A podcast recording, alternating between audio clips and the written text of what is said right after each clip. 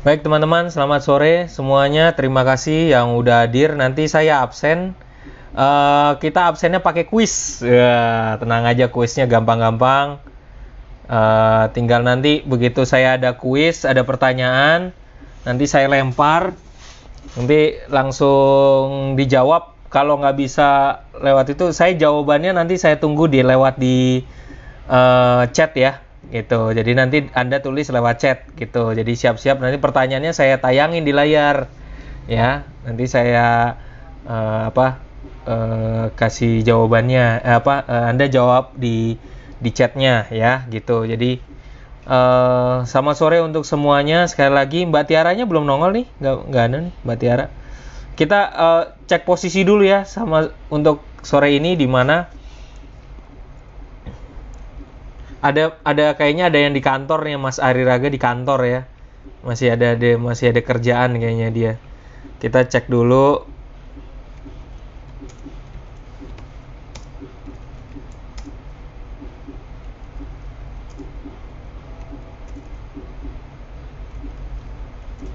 Nah oke. okay.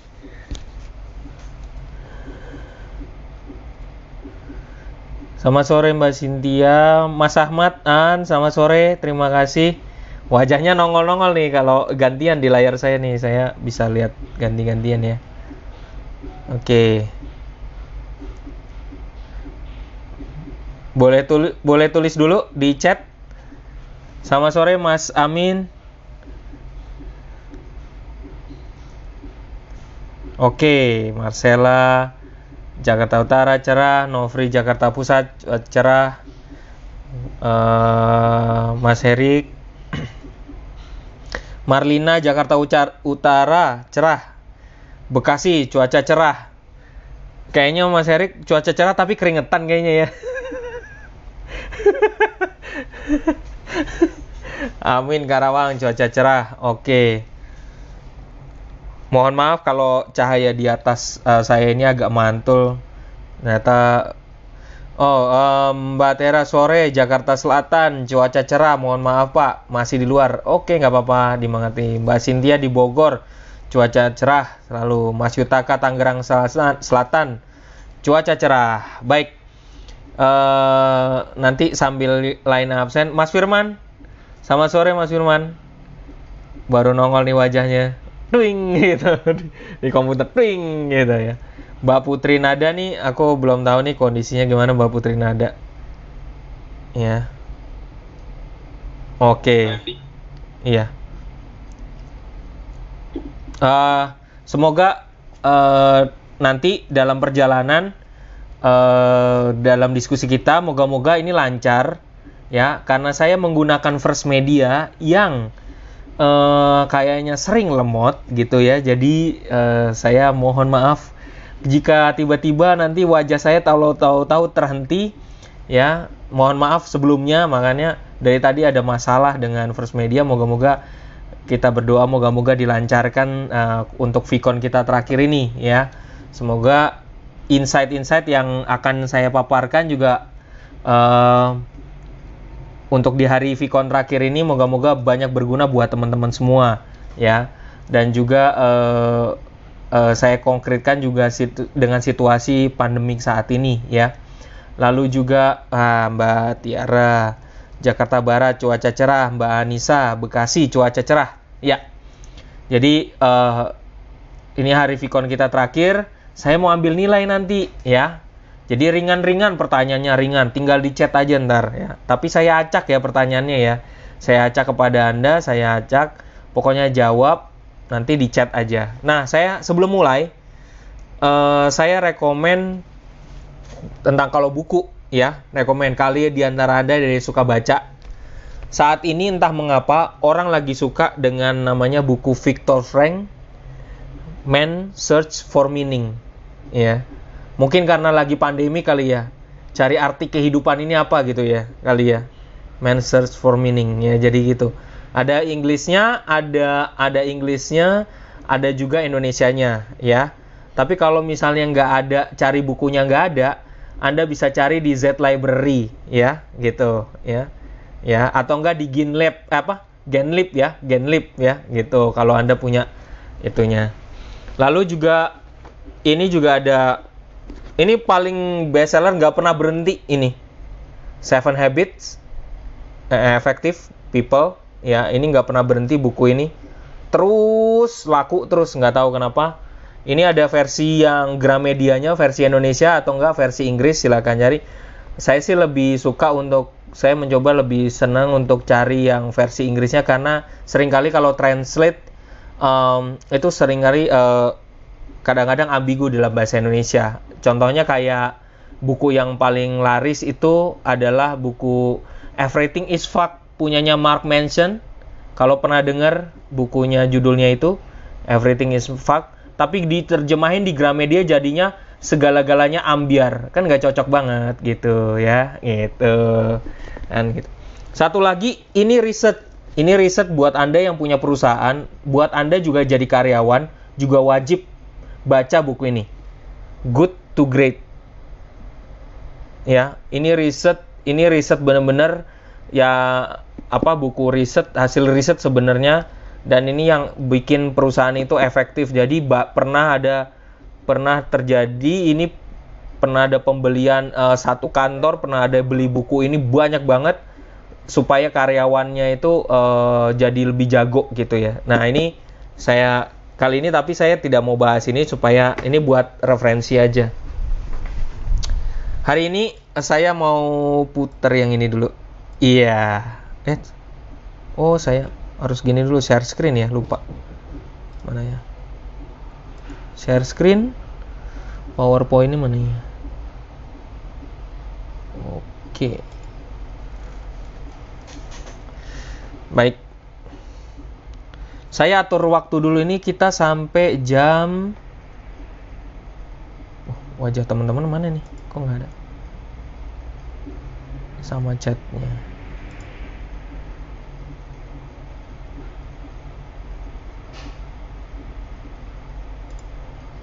Oke.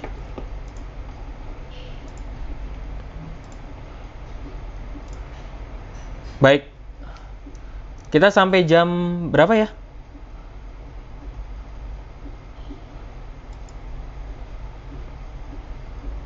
Sembilan. Buset, sampai sembilan jam. Malam juga ya. Cuman mau wanti-wanti saya pakai jam soalnya. Oke, jam sembilan. Baik, uh, saya bagi waktunya supaya nggak terlalu lama-lama. Teman-teman, ini di layar udah bisa kelihatan ya PowerPoint-nya ya.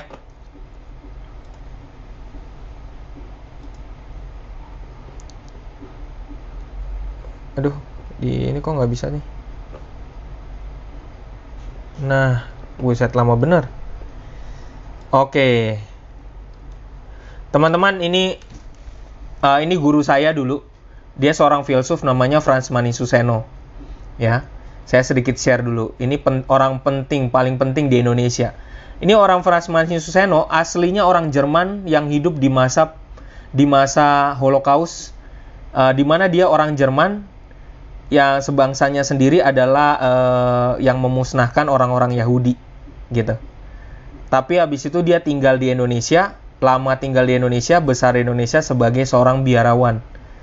Dan dia jadi di Indonesia orang Jerman tapi hatinya halus banget kayak orang Jawa. Ya.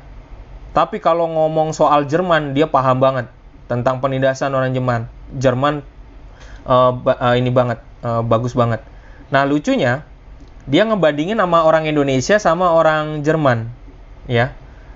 Ngebandingin sama orang Indonesia sama orang Jerman. Ternyata faktanya hasilnya adalah orang Indonesia itu masih lebih halus, masih lebih baik daripada orang Jerman.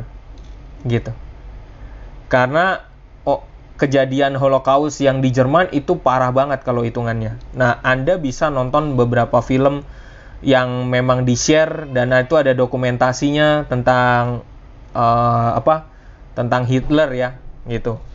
Nah, dia dia pernah bilang uh, hal yang paling penting kalau dia bilang Pancasila itu itu sebenarnya bukan untuk diganggu gugat lagi. Itu udah ideologi yang memang penting banget buat orang Indonesia gitu. Jadi nggak bisa tergantikan oleh siapa pun. Sejauh dia sebagai orang Jerman ya dia ngelihat di Indonesia Pancasila itu nggak bisa tergantikan. Walaupun banyak yang ingin berusaha untuk menggantikan ya. Karena mungkin mau digantiin dengan komunis mau digantiin yang lain. Tapi Pancasila itu murni ideologi yang memang sangat bagus buat Indonesia.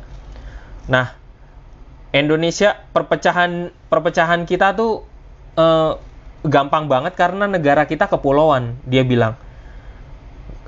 Dan cuman satu sih kuncinya kalau Indonesia itu mau kuat yaitu pimpinnya pimpinannya itu harus punya keteladanan. Jadi kalau pimpinannya itu nggak punya teladan jadi ya ke bawahnya juga akan kayak gitu. Nah baru sadar saya hal itu pernah terjadi. Keteladanan itu hilang waktu di masa pimpinannya Soeharto gitu. Keteladanan itu hilang waktu di zamannya Presiden Soeharto gitu. Walaupun di zaman Presiden Soeharto itu banyak banget kalau apa supaya orang itu taat sama apa maksudnya eh, presiden kita dilihat banget gitu ya. Sampai eh, cetak misalnya cetak surat eh, cetak perangko gitu banyak banget wajahnya Soeharto. Cetak perangko ya apa-apa wajahnya Soeharto gitu. Nah itu di zamannya waktu itu ya. Nah, saya lompat ya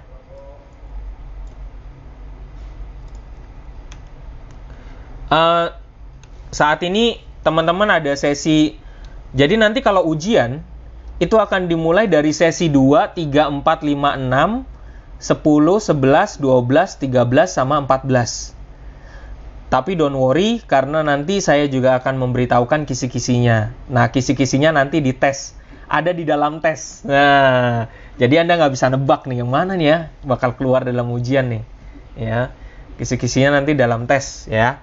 Jadi uh, saat ini kita berada dalam posisi uh, sesinya terima kasih atas tugas-tugas Anda di sesi 10, 11, 12, terus 13 dan 14 nanti menyusul dan mohon maaf mungkin agak saya ngasih tugasnya agak telat karena saya mohon maaf sekali uh, karena saya lagi perhatian ke ibu saya, ibu saya lagi masuk rumah sakit. Jadi dia sakit jantung, jadi saya harus memberikan perhatian yang lebih buat ibu saya. Jadi mohon maaf kalau agak telat tugasnya, tapi semoga nggak menyurutkan semangat Anda semua buat uh, belajar.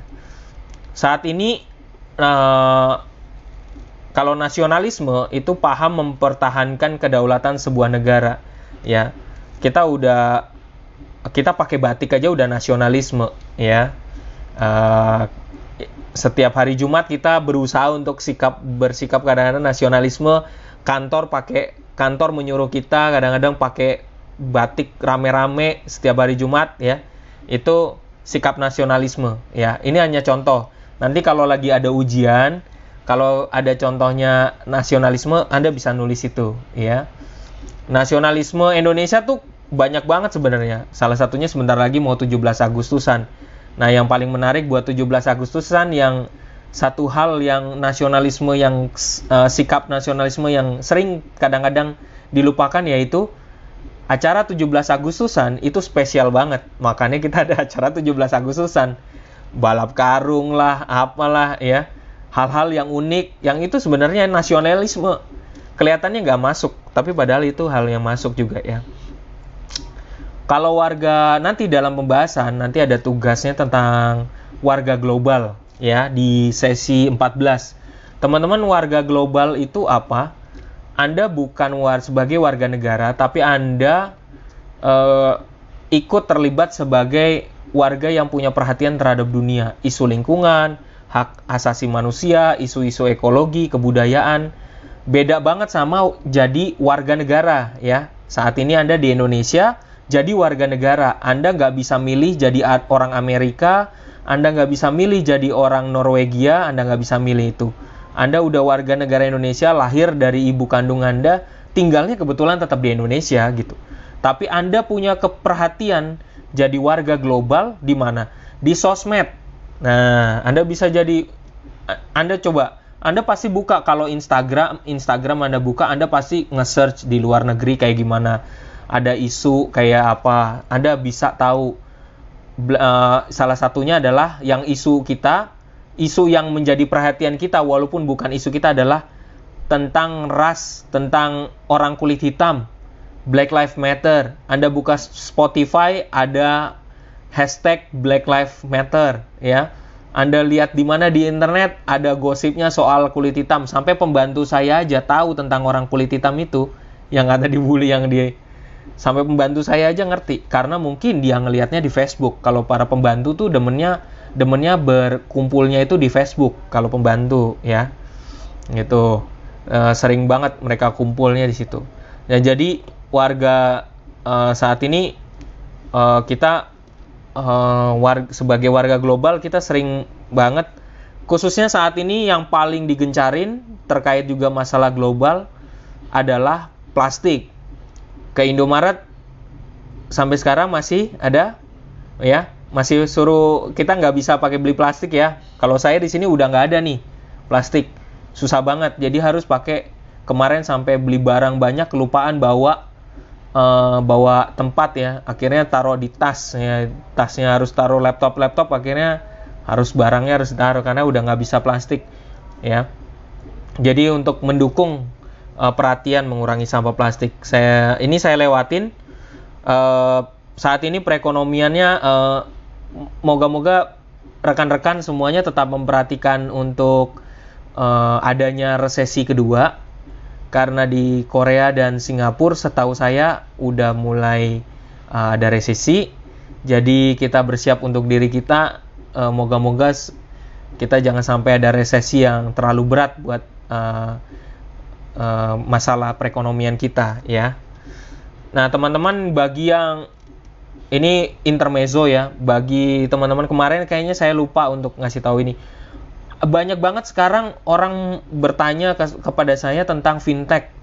Fintech yang namanya uh, uh, Bareksa, fintech yang namanya uh, Aku Laku, fintech yang namanya Amarta, Investri. Nah, itu sah atau enggak ya Pak ya gitu. Nah, banyak yang nanya kayak gitu. Nah, teman-teman kalau mau cari tahu, saya war sebagai warga negara Indonesia harus tahu nih, di OJK ada listnya. Listnya banyak banget datanya buka aja OJK nanti cari judulnya ini atau ketik di Google. Nah, ini intermezzo ya. Jadi cari kalau tiba-tiba ditawarin investasi, periksanya di sini ya. Teman-teman, buat teman-teman yang peer to demen banget punya modal gede, sekali lagi, punya modal gede tapi nggak punya usaha ya. Anda bisa terlibat di peer-to-peer lending namanya Investri. Anda wajib coba. Kalau nggak pernah coba, nggak pernah ngerasain cuannya gitu ya anda wajib coba ini warga negara warga negara Indonesia harus tahu nih jadi kalau anda punya modal gede nggak punya usaha wajib nyemplungin kalau menurut saya nyoba untuk nyemplungin di investri karena di data ini di apa di website ini Anda bisa menjadi Anda bisa berikan pinjaman atau ajukan ajukan pinjaman. Kalau Anda berikan pinjaman, datanya detail banget. Nama perusahaan apa, di mana tempatnya, dia perusahaannya itu ngebalikin duitnya baik atau enggak. Ini baratnya Anda sebenarnya Anda bukan kalau Anda minjemin modal, Anda bukan rentenir di sini karena nggak berlaku renten, tapi Anda mendapatkan bunganya gitu. Kalau nggak salah di sini ada syariahnya juga gitu ya. Intermezzo nih. Nah, saya pakai aplikasi namanya Halovina. Ya. Halovina ini kalau Anda ngetes di dalamnya ini al, uh, di ini ada ini fintech yang dibiayai oleh Mandiri Sekuritas. Uh, mentor saya ada di sini. Mentor saya ada di sini dan kerennya aplikasi ini dibandingkan aplikasi yang lainnya. Dia bisa bi, dia bisa mempersiapkan membantu Anda untuk memprediksi Anda nanti kalau misalnya mau nyicil mau punya rumah, berapa harus Anda nabung dari sekarang? Teman kantor saya jadi sampelnya di kantor eh teman saya di kantor-kantor eh di kantor itu jadi sampelnya maksudnya ya. Jadi dia uh, ngetes aplikasi ini dan memang uh, berguna banget buat kebutuhan. Nah ini beberapa saya lewatin aja ini ya nanti bisa teman-teman baca uh, ini kalau misalnya ini ada situsnya saya lewatin uh, baik teman-teman uh, ada sesi 10 itu tentang dimensi keberagaman. Jadi nanti kalau ditanya tentang dimensi-dimensi apa aja tentang keberagaman, uh, Indonesia punya keberagaman dalam soal agama, ya. agamanya udah jelas banyak. Lalu soal budaya, budayanya udah nggak usah ditanya lagi. Perbedaan gender, ya, itu dalam keberagaman kita perbedaan gender itu uh, sangat kontras banget. Sampai juga uh, kita juga akhirnya sekarang uh, yang supir busway, terus kebanyakan juga akhirnya mulai wanita ya perbedaan gender itu gender bukan perbedaan gender artinya uh, kadar perempuannya di diminimalisir bukan tapi mulai pekerjaan-pekerjaan tertentu di dilakukan oleh perempuan juga gitu Gojek ya sekarang udah mulai banyak Gojek dilakukan tadi barusan tadi sore tiba-tiba ada Gojek wanita di depan rumah saya jadi ingat bahan ini tahu-tahu perbedaan gender ya jadi uh, memang penting banget lah gitu. Uh, perempuan juga akhirnya terlibat sekarang banyak. Ras dan etnis. Dia orang Indonesia ras dan et, uh, ras etnis juga uh, sangat penting banget ya. Nah, tantangan nah tantangannya dibuat di Indonesia khususnya di Indonesia ya. Itu ada namanya saya buka sambil lihat ya. Prasangka ya ya di Indonesia itu masih hidup juga dengan prasangka wah ini nih negatif ya pikirannya negatif belum dibuktiin nama kebenaran jadi udah mikirnya negatif negatif sama orang ya gitu ada etnosentris etnosentris itu adalah kebanggaan pada budaya budaya diri sendiri ya. Wah ini gue orang Batak tuh lebih unggul nah, gitu. Ya dibandingkan orang Jawa misalnya gitu. Atau orang uh, dia misalnya uh, lawan dilawan-lawanin. Orang Makassar misalnya payah gitu ya. Atau enggak orang Jawa tuh payah kerjanya lambat gitu. Lebih baik pembantunya pakai dari orang dari NTT aja. Orangnya suka kerja keras dibayarnya rendah mau gitu ya. Nah etnosentris kayak begini nih yang bisa membahayakan ya. Sampai nah kalau stereotip itu stereotip itu mengarah ke lebih walaupun uh, apa ya uh, lebih mengarahkan untuk uh, cinta pada kelompok sendiri tapi lebih ke arah fisik sih sebenarnya stereotip. Gila nih orang Batak kalau ngomong keras banget gitu. Ya papa saya kan dari papa saya dari Flores dari NTT mama saya dari Blitar dari Jawa itu kal itu selama papa papa saya udah meninggal, selama mereka hidup, mereka tuh berantem. Kalau udah berantem, ngomongnya tuh stereotip, ngomongnya fisik, gitu. Ya. Kamu tuh orang Jawa ngomongnya dari belakang, ngomong apa-apa di belakang. Kayak orang Flores dong ngomongnya di depan, kalau bisa pakai parang gitu. Gitu. Gitu. Karena karena orang Flores itu punya parang sendiri buat ngebunuh orang. Jadi kami masih punya di rumah buat parang yang khusus buat emang kalau di kampung dipakai buat membunuh orang gitu. Jadi itu memang ada tradisi gitu ya.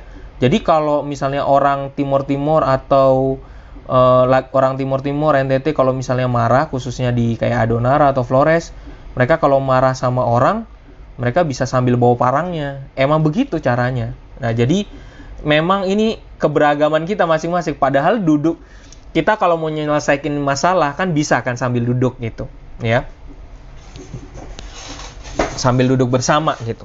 Ya kasus-kasus kayak misalnya kasus uh, siapa? John Kay yang kayak kemarin gitu ya.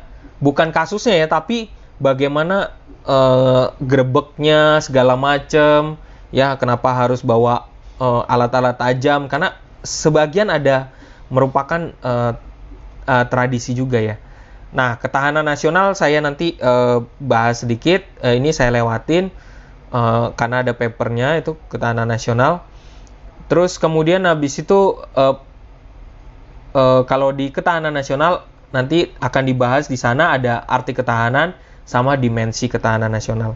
Nah, sesi 12 itu di sesi 12 itu ada toko Smith. Nanti kalau dalam ujian, nah ini menarik nih uh, di sesi 12 ada tok namanya toko Smith dan Kolaski, uh, Kolakowski, sorry maaf.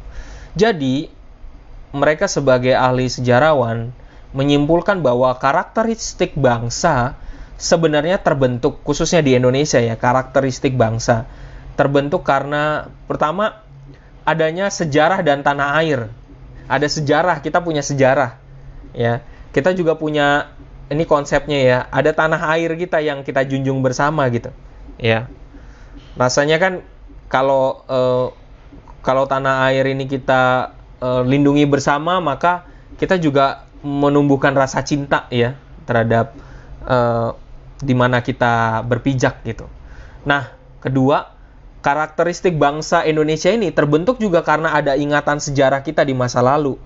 Kayak penjajahan sama Belanda, kemudian sama Jepang, kemudian uh, uh, mereka keluar, mereka yang orang Belanda bawa sejarah-sejarah kita, bawa catatan sejarah kita, bagaimana Sunda Kelapa, konsep-konsepnya Sunda Kelapa, di mana sebenarnya uh, ada sungai-sungai yang bisa uh, dipakein perahu juga, konsep-konsepnya itu ada, ya. Kita juga memiliki mitos yang sama ya.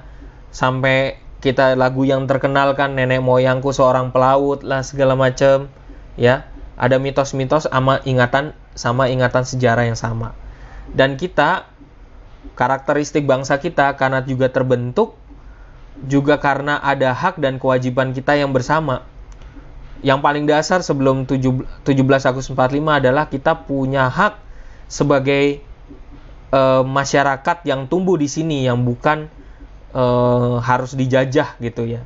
Nah, pasti ada saat kita andai kata kita berandai-andai kita masuk ke masa 17 sebelum 17 Agustus ya 45. Pasti penindasan-penindasan itu membuat banyak orang geram gitu ya.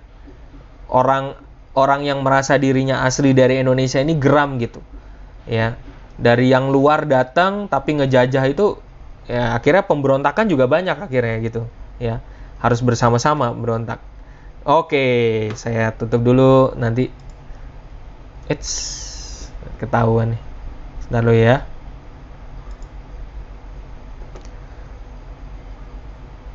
Baik teman-teman. Sampai di sini ada pertanyaan buat saya kalau enggak saya mau langsung ke sesi yang berikutnya supaya nanti kita bisa kuis ya nggak ada nggak usah takut untuk tanya ke saya ya. Mungkin biasanya kita ngajarnya di hari Sabtu, mungkin suasananya agak sedikit beda, di mana kita biasanya uh, hari Sabtu ya. Bentar satu lagi.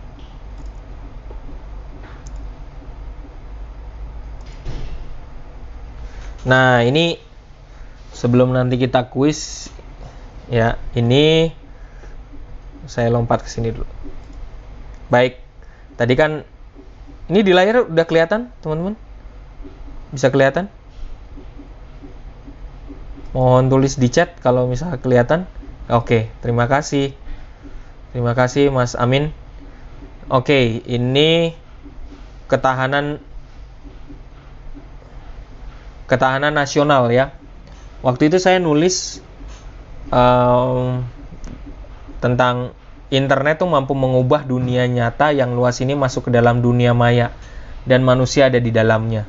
Dan ternyata benar internet kita, internet orang tuh saat ini gara-gara pandemik membutuhkan internet yang jauh lebih banyak dibandingkan mengadakan pertemuan bersama ya gitu. Anak saya sekarang saya sama istri WFH WFH kembali. Lalu anak juga harus uh, apa mengadakan anak baru kecil ya kelas 1 nih. Udah pinter namanya Google Google Meet sama Zoom. Google Meet Zoom ya terus sama Google Classroom. Nah, trennya benar ya gara-gara faktor internet nih ya. Nah saya lanjut ya.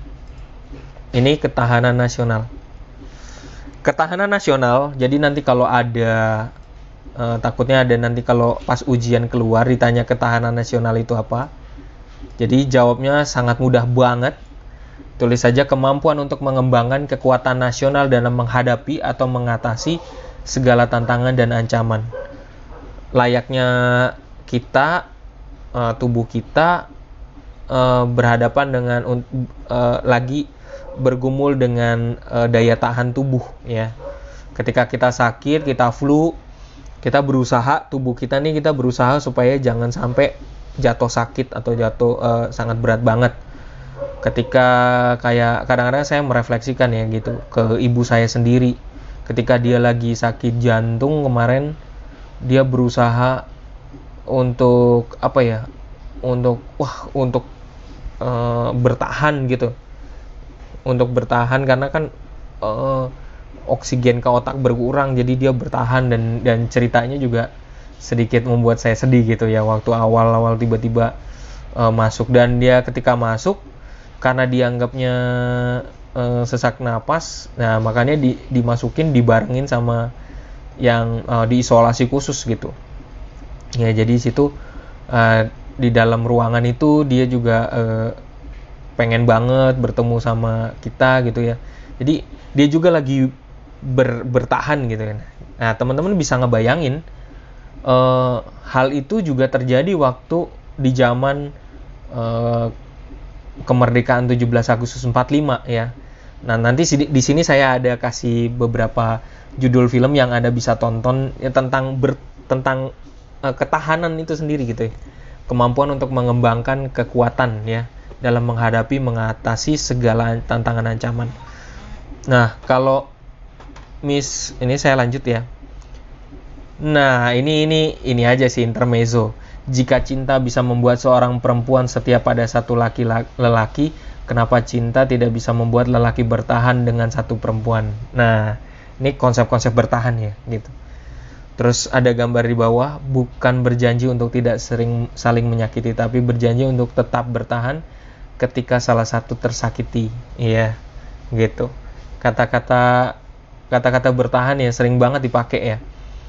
Hidup adalah tentang bertahan dan belajar menerima atau pergi dan belajar melupakan. Wah, nih. Ya. Ini uh, sangat ini banget ya konsep-konsep kalau dibandingin dengan kata bertahan ya. Nah, cinta itu adalah kerelaan berkorban, selalu tentang seberapa mampu Anda bertahan. kata-kata bertahan nih. Jika masih merasa mampu untuk bertahan dalam pengorbanan cinta, maka pertahankanlah cinta itu semampu Anda. Waduh, ya. Ini ngeri banget ini ya. Nah, itu soal konsep-konsep ya tentang kata bertahan, tentang kat, ya, tentang ketahanan ya. Uh, jadi ngomongin soal cinta juga ada ngomongin soal ternyata bertahan nih, gitu. Nah ini ada film, beberapa film tentang yang menurut saya ya, karena saya penggila film, menurut saya wajib anda nonton gitu, ya wajib anda nonton. Karena semua film yang saya tayangin di sini ini sudah saya tonton semua mungkin karena saya pernah saya kenapa menyukai film-film kayak begini karena mungkin saya pernah merasakan uh, bagaimana saya berjuang dan pernah mencoba untuk bertahan hidup begitu ya. Uh, pergumulan pergumulan hidup saya juga panjang banget. Jadi uh, saya menyukai film-film yang memang uh, ini hampir mendekati kisah nyata gitu. Contoh film pertama The Grey ya. Itu terus kemudian habis itu The Revenant. Wajib tonton nih The Revenant menegangkan banget bagaimana orang belajar untuk hidup. Nah Unbroken ini kisah nyata Unbroken ya. Lihat bagaimana di dalam kisah ini ini kisah antara orang Amerika sama orang Jepang terus kemudian akhirnya diakhiri dengan uh, wah ini sedih banget saya nonton. Ini dia ngelak ini bener-bener nanti suruh tesnya itu suruh ngangkat kayu ya. Tesnya untuk ngangkat kayu bahwa orang ini survival nggak kuat nggak gitu nah The Pianist ini masuk di zamannya Nazi. Ya. E, begitu menyedihkan kisah ini tapi bagaimana keempat ini itu berusaha untuk bertahan hidup ya. Nah ini ada Life of Pi ya. Ini walaupun kayak novel sebenarnya ini dari novel ya. Kalau nggak salah dari novel. Tapi kisahnya menarik gitu tentang uh, dapat gitu insightnya tentang bertahan hidup uh, The Buried ini juga tentang bagaimana ketegangan-ketegangan selama dia mencoba untuk bertahan hidup. Cast Away ini keren banget. Ini kalau nggak salah kisah nyata. Cast Away. Li, bagaimana bertahan hidup dengan sendirian. Terus kemudian ngomong ya sama yang ada di situ. Benda-benda di situ jadi dia bertahan hidup. Dan ini kalau nggak salah eh, manajernya atau apanya dari pesawat terbang ya gitu. Eh, kargo ya gitu. Terus kemudian ini Into the Wild. Nah ini ini bukunya juga laris Into the Wild ini eh, bagaimana kalau nggak salah ya Into the Wild bagaimana dia akhirnya eh, dari uh, dari dia orang kaya akhirnya memilih untuk bertahan hidup ya di uh, meninggalkan itu semua. Kalau nggak salah begitu ya kalau nggak salah. Nah teman-teman uh, mau cek dulu teman-teman masih bisa dengerin suara saya? Bisa di Alhamdulillah. Alhamdulillah. Saya pikir uh, mati ya suaranya. Nah, ini juga upaya-upaya uh, berkaitan dengan ketahanan hidup ya, ketahanan nasional juga. Kadang-kadang nasional itu maksudnya setempat gitu ya. Jadi misalnya kalau Facebook pun mencoba untuk bertahan hidup ya. Mencoba untuk bertahan hidup, makanya dia bagaimana Facebook bertahan hidup, makanya dia beli Instagram. Dia beli uh, dia uh, perbaik dia uh, orang masih sampai sekarang juga perusahaan-perusahaan besar masih juga menggunakan Facebook untuk beriklan um, karena ya ini caranya Facebook buat bertahan hidup. Makanya dia harus guide yang lain. WhatsApp ya dan yang lainnya gitu. Nah Twitter juga mencoba untuk bertahan hidup merubah saat ini juga mencoba untuk merubah tampilannya segala macamnya ya. YouTube juga uh, kalau YouTube YouTube uh, dia saat ini uh, algoritmanya setahu saya kalau di YouTube itu uh, oh ya kalau iklan-iklan juga dia mempersilahkan untuk iklan-iklan jenisnya uh, banyak ya tampilannya banyak jenisnya gitu. Dan juga dia tetap make namanya remarketing strateginya pakai remarketing. Nah itu salah satu cara untuk bertahan satu sama lain untuk bertahan hidup ya gitu. Nah salah YouTube Masalahnya menurut saya cara bertahan hidupnya agak unik nih. Kita upload, kita dikasih gratis, kita upload. Kalau upload, kalau misalnya bagus, terus kemudian kita bisa uh, apa dibayar sama dia. Terus kemudian datanya dia punya banyak, datanya dia simpen banyak. Abis itu sekarang mau siap-siap dia jadi YouTube Premium. Nah, tawarin tanpa iklan YouTube Premium. Jadi dia sebenarnya jadi double dapat duitnya juga banyak sebenarnya gitu. Jadi itulah cara cara cara bertahan ya strategi supaya ini buat insight kita ya. Jadi tadi udah ada pengalaman hidup ini juga ada uh, pengalaman dari media sosial. Nah definisi dari ketahanan nasional ya uh, definisi dari ketahanan nanti bisa teman-teman baca di sini. Ada Longstaff ada Norris tapi kurang lebih tadi udah saya sarikan di depan yaitu konsepnya adalah ini. Kemampuan untuk mengembangkan kekuatan nasional, kekuatan setempat dalam menghadapi atau mengatasi segala tantangan dan ancaman. Jadi konsepnya eh, mohon dipahamin gitu. Nah, Indonesia sebenarnya setahu saya dari obrolan-obrolan ketahanan nasional khususnya dalam militer punya Indonesia tuh kuat. Karena militer di Indonesia itu sering dilombain bersama negara-negara lain. Dan Indonesia biasanya survive banget untuk uh, kalau misalnya uh, di bawah tekanan-tekanan untuk uh, ya untuk cari makan segala macam biasanya Indonesia yang paling kuat ya. Pernah menang kan Indonesia? Ya Terus kemudian saya lompatin aja. Ini nanti dimensi dari ketahanan nasional ada political, ada sosial, ada ekonomik, ada human, ada culture, ada physical, ya. Jadi ini kekuatan kekuatan-kekuatan Indonesia, kekuatan negara lain juga dilihat dari politikalnya, dari sosialnya, dari ekonomiknya, dari humannya, culture, physical, ya. Jadi ketahanan nasional. Nah, yang paling ngeri adalah kejadian yang eh, sampai krisis besar di Mesir ya. Itu. kayak begitu itu kenanya di ekonomi capital ya nah kita masih bersyukur ya di ekonomi capital masih uh, masih baik lah gitu di culture capital kita udah tetap jagonya karena kita masyarakatnya uh, kita masih lebih baik mohon maaf ya kalimat saya masih lebih baik daripada Amerika yang ras kulit hitam kulit putihnya itu masih kuat sebenarnya gitu. Permasalahan ras kulit putih kulit hitam itu masih kuat. Tapi kalau kita sampai kita uh, apa ya namanya saking kita itu multicultural sampai banyak makanan juga banyak makanan brand-brand makanan brand makanan atau brand-brand lain nyangkutin kita nyebutnya sebagai Nusantara. Yang paling terakhir dikeluarin oleh Indofood yaitu modelnya adalah Supermi Nusantara ya Indo Indomie Nusantara ya jadi diperkenalkan yang namanya mie, cika, uh, mie cakalang uh, soto uh, sotonya Bandung, sotonya Makassar, terus nah itu Nusantara itu. Nah, brand-brand inilah yang tumbuh yang di Indonesia kalau misalnya memperku uh, jadi mereka membantu untuk memperkuat kesatuan kita negara Indonesia ya. Itu karena kalau Indomie udah dinikmatin semua orang, kalau itu diperkenalkan jadinya ya Indonesia dikasih brand ya, di, dikasih brand buat dikenal gitu ya. Ini ini uh, politikalnya ya. Terus kemudian ini sosialnya ya.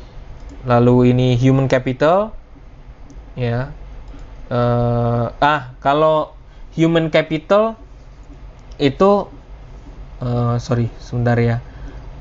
Uh, salah satunya ketahanan uh, beberapa perusahaan uh, human capital ya. Saya kasih uh, sampel. Istri saya kerja di DHL uh, dia uh, ke dalam ketahanan nasionalnya di DHL buat mereka uh, orang itu orang itu dianggap sebagai uh, aset yang dijaga banget aset yang dijaga kalau di di uh, di dalam perusahaan itu ya asetnya dijaga. Jadi di lo boleh bebas uh, apa namanya uh, dapat perawatan lo boleh bebas segala macam. Pokoknya ini human capital tuh dijaga banget sama dia ya. Itu kalau di DHL ya gitu.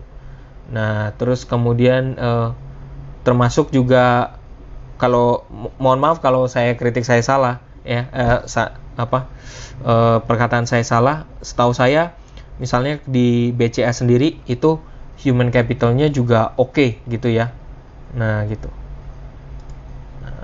Oke, itu dia. Saya stop dulu.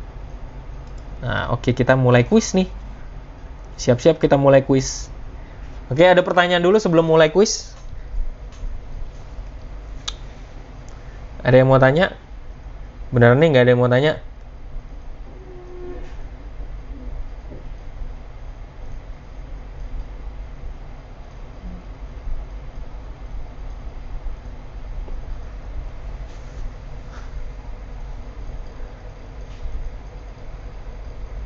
Oke, kalau nggak ada, saya kita mulai tes ya. Siap ya? Boleh buka diktatnya, boleh buka uh, semuanya ya, gitu. Ya. Sebentar, saya mau tekan as, mantap. Which?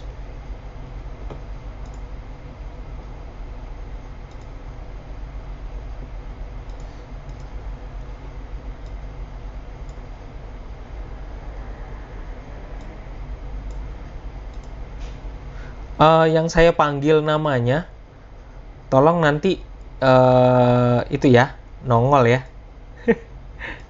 Moga-moga ini bisa kelihatan nih.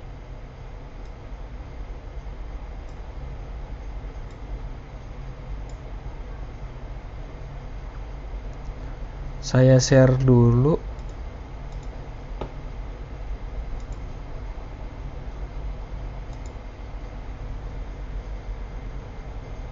Mantap.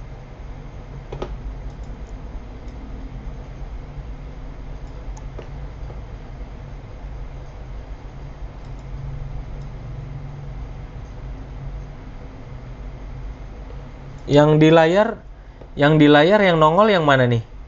Vicon 4 ya, yang ini?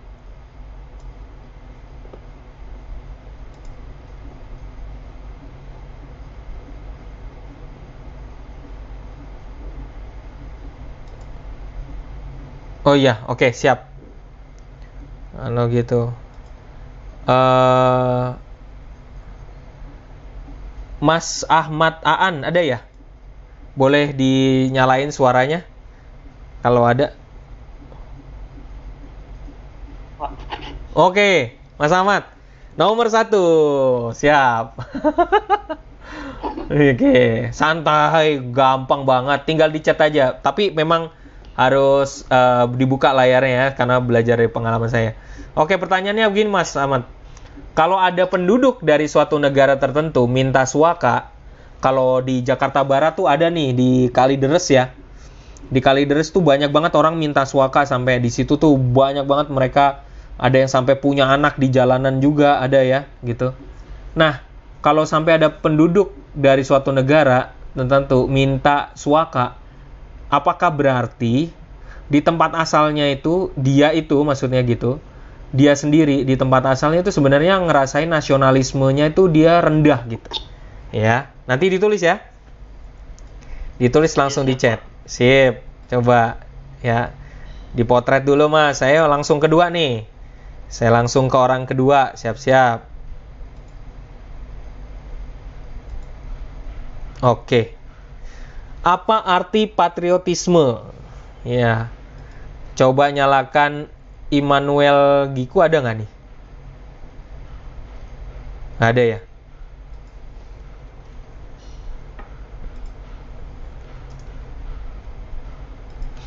Oke.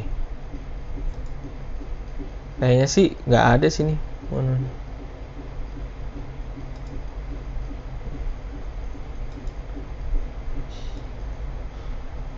Oke, kayaknya nggak ada nih. Ya. Ada Mas Erik, Mas Erik mana? Nyalain. Mas Erik mana? Oke, Mas Erik. Pertanyaannya ini jatuh ke Mas Erik ya. Ya. Langsung kasih di chat, jangan lama-lama. Apa arti patriotisme? Oke, saya tunggu jawabannya di chat. Oke. Terima kasih Mas Erik, saya tunggu jawabannya apa arti patriotisme. Berikutnya saya lompat ya. Berikutnya saya lompat. Oke. Saya lompat. Eh, untuk Mbak Cynthia. Mana Mbak Cynthia? Layar monitornya nyalain. Cari apa? Cari apa?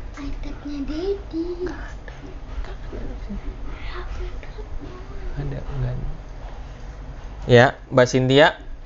Contoh negara yang mewajibkan adanya wajib militer sukarela. Ya.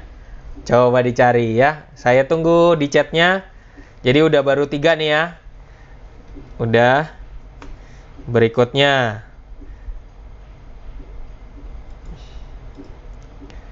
Mana nih Mbak Citra? Mbak Citra Paramesti. Mas Erik sama Mbak Cynthia boleh dimatin ya. Ya, Pak. Oke, boleh dimatiin layarnya biar nggak berat gitu. Tinggal dicari ya. Oke, mana Mbak Mbak Citra mana nih wajahnya? Ya, Pak. Oke, Mbak Citra. Hadir. Siap. Soal berikutnya ya.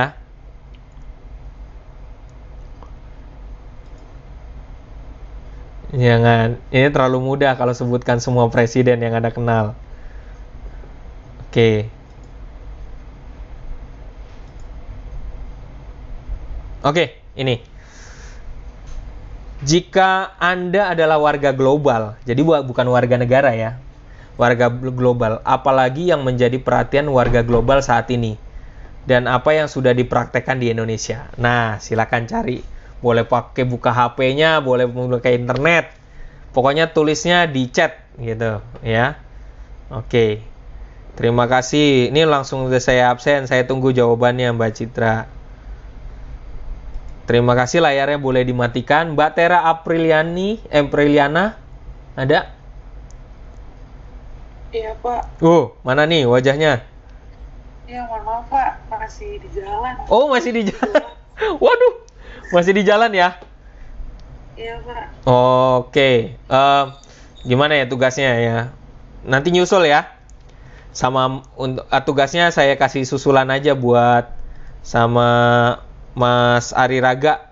Mas Ari Raga lagi kerja juga dia. Jadi nyusul. Oke Pak. Oke. Nanti tolong eh, saya nggak mau paksain soalnya kalau di jalan wah repot nih, ntar sambil mikir gitu jadi beban ya. Jadi nanti aja. Oke. Nanti tolong tolong WA ke saya ya, Mbak Tera. Eh ya Mbak Tera. Ya. Tolong WA ke saya ke 0819. Tolong WA ke saya ya. Tadi Mas Ari Raga juga udah kasih 435. Nah, nanti soalnya saya kasih di situ. Ya, untuk Pak. Mbak Tera. Graciela Evelyn Dorothy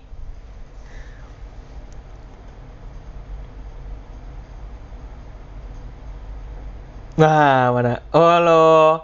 Pak. Ya. Mana suaranya sih? Nggak kedengeran? Tes.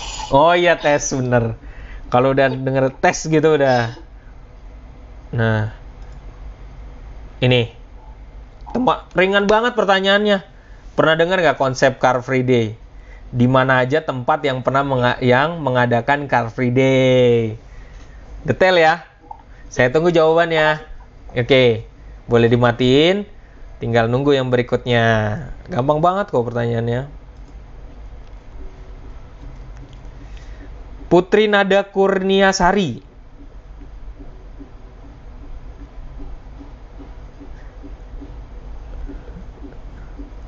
Putri Nada Kurniasari ini nggak ada nih ya? Oh, oh, mana? Oh iya bener, ada. Wah gitu. Suka nonton film Korea nggak? Mbak Putri? Hah? Suka. Kalau BTS suka nggak? BTS? Enggak. Enggak favorit ya? Ya, oke, gua kasih yang susah ya. Nih. Langsung lompat.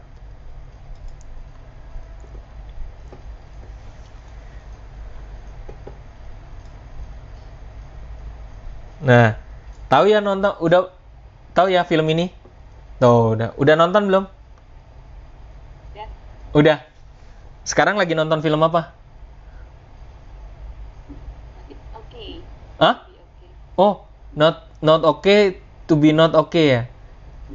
To Iya, be itu. not okay ya kayak gitulah. Yang kayak gitu. Iya. Itu lagi di, digandrungi sama teman-teman kantor lagi pada ditonton. Ya, oke pertanyaannya. Ya. Eh kalau udah pernah ke Korea Selatan belum? Eh, ke Korea ke Korea eh, Selatan udah pernah? Mbak Putri? Oh belum. Nah kalau di Korea Selatan itu pasang foto prajurit ya. Kalau supaya eh, ke- apa bangga sama tentara, bangga jadi tentara itu. Jadi kalau setelah sekolah selesai mau ma- setelah masa masa perkuliahan atau setelah itu habis itu mereka harus wajib militer itu bangga banget kalau masuk wajib militer tuh bangga banget. Nah, jadi di sana memang nampilin tokoh-tokoh prajurit gitu ya. Maksudnya di iklan juga ada tentang prajurit, pakaian prajurit. Karena mungkin bersebelahan juga ya sama Korea Utara ya gitu. Di desa-desa suka banget pasang juga benderanya Korea Selatan gitu. Bangga gitu kalau pasang-pasang gitu. Nah, supaya menumbuhkan rasa cinta na- eh, na- rasa nasionalisme eh, yang di Indonesia yang mirip kayak di Korea, caranya gimana nih? Tipsnya apa nih? Supaya nasionalisme kita juga kayak orang Korea Selatan gitu. Iya. Kayak militan kayak orang Selatan. Oke, ditunggu jawabannya di chat. Thank you, Mbak.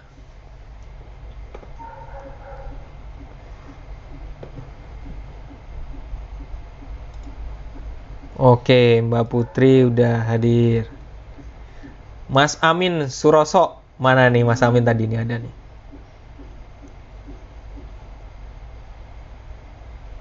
Mas Amin. Wes. Mas Amin, sorry maaf itu lagi di kantor ya? Iya lagi di kantor. Uh, lagi di. Nggak apa-apa Mas Amin. sendirian begitu malam-malam begini? Udah izin. Oh udah Udah izin. izin. Oh, Oke. Nanti sendirian itu mas? Nggak ada yang capnya tunggu. Oh gitu. Oke deh. Moga-moga tetap semangat selalu. Walaupun ya gitu. Nah ini dia pertanyaannya. Masih ingat nggak mas kalau di zaman dulu kita kayak gini nih upacaranya? Oh iya iya. Iya. Pernah jadi ketua pemimpin upacara nggak? Eh apa maksudnya? Jadi ini. Pernah, pernah. Oh, mantap kan. Nah, kita punya beberapa simbol, Mas, di negara untuk beberapa simbol untuk negara Indonesia. Nanti Mas bisa lihat dari diktat, bisa buka search internet gitu kalau ma- masih ingat. Nah, di antara banyak simbol yang kita pakai, nanti Mas cari tahu simbolnya, saya nggak mau kasih tahu itu apa. Simbolnya negara Indonesia itu banyak.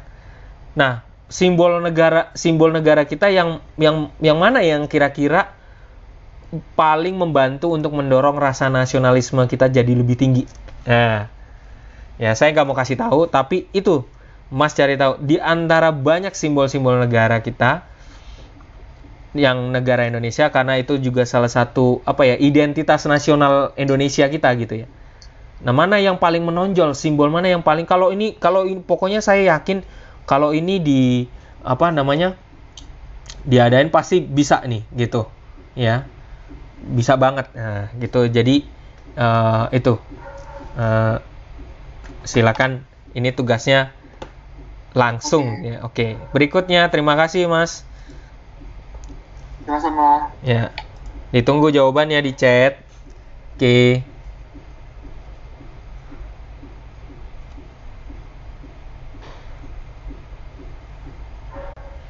Mbak Anissa Ramawati.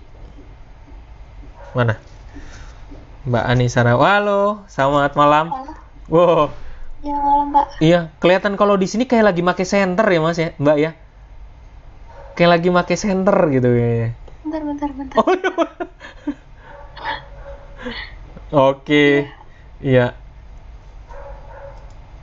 Ini lagi pakai kerudung atau apa Mbak nih? Oh. Iya iya. Oh alah. Iya ya, oke. So- Soalnya agak gelap gitu gimana gitu ya. Oke, berikutnya nih dia pertanyaannya. Eh, jangan ini, ini udah kelewatan. Saya kasih gampang aja. Presiden kita kan Jokowi nih. Nah, gampang banget kok, Mbak Presiden. Presiden kita kan Jokowi. Kira-kira apa yang lagi digalakan oleh beliau saat ini? Ya. Nah, nanti bisa dijawab di chatting ya. Gitu aja. Jadi presiden kita saat ini Bapak Jokowi kira-kira apa yang lagi digalakan oleh beliau saat ini? Ya. Lagi yang di apa? Memang lagi dituntut banget itu apa? Ya, ditunggu jawabannya ya, Mbak Anissa. Oke. Terima kasih. Terima kasih.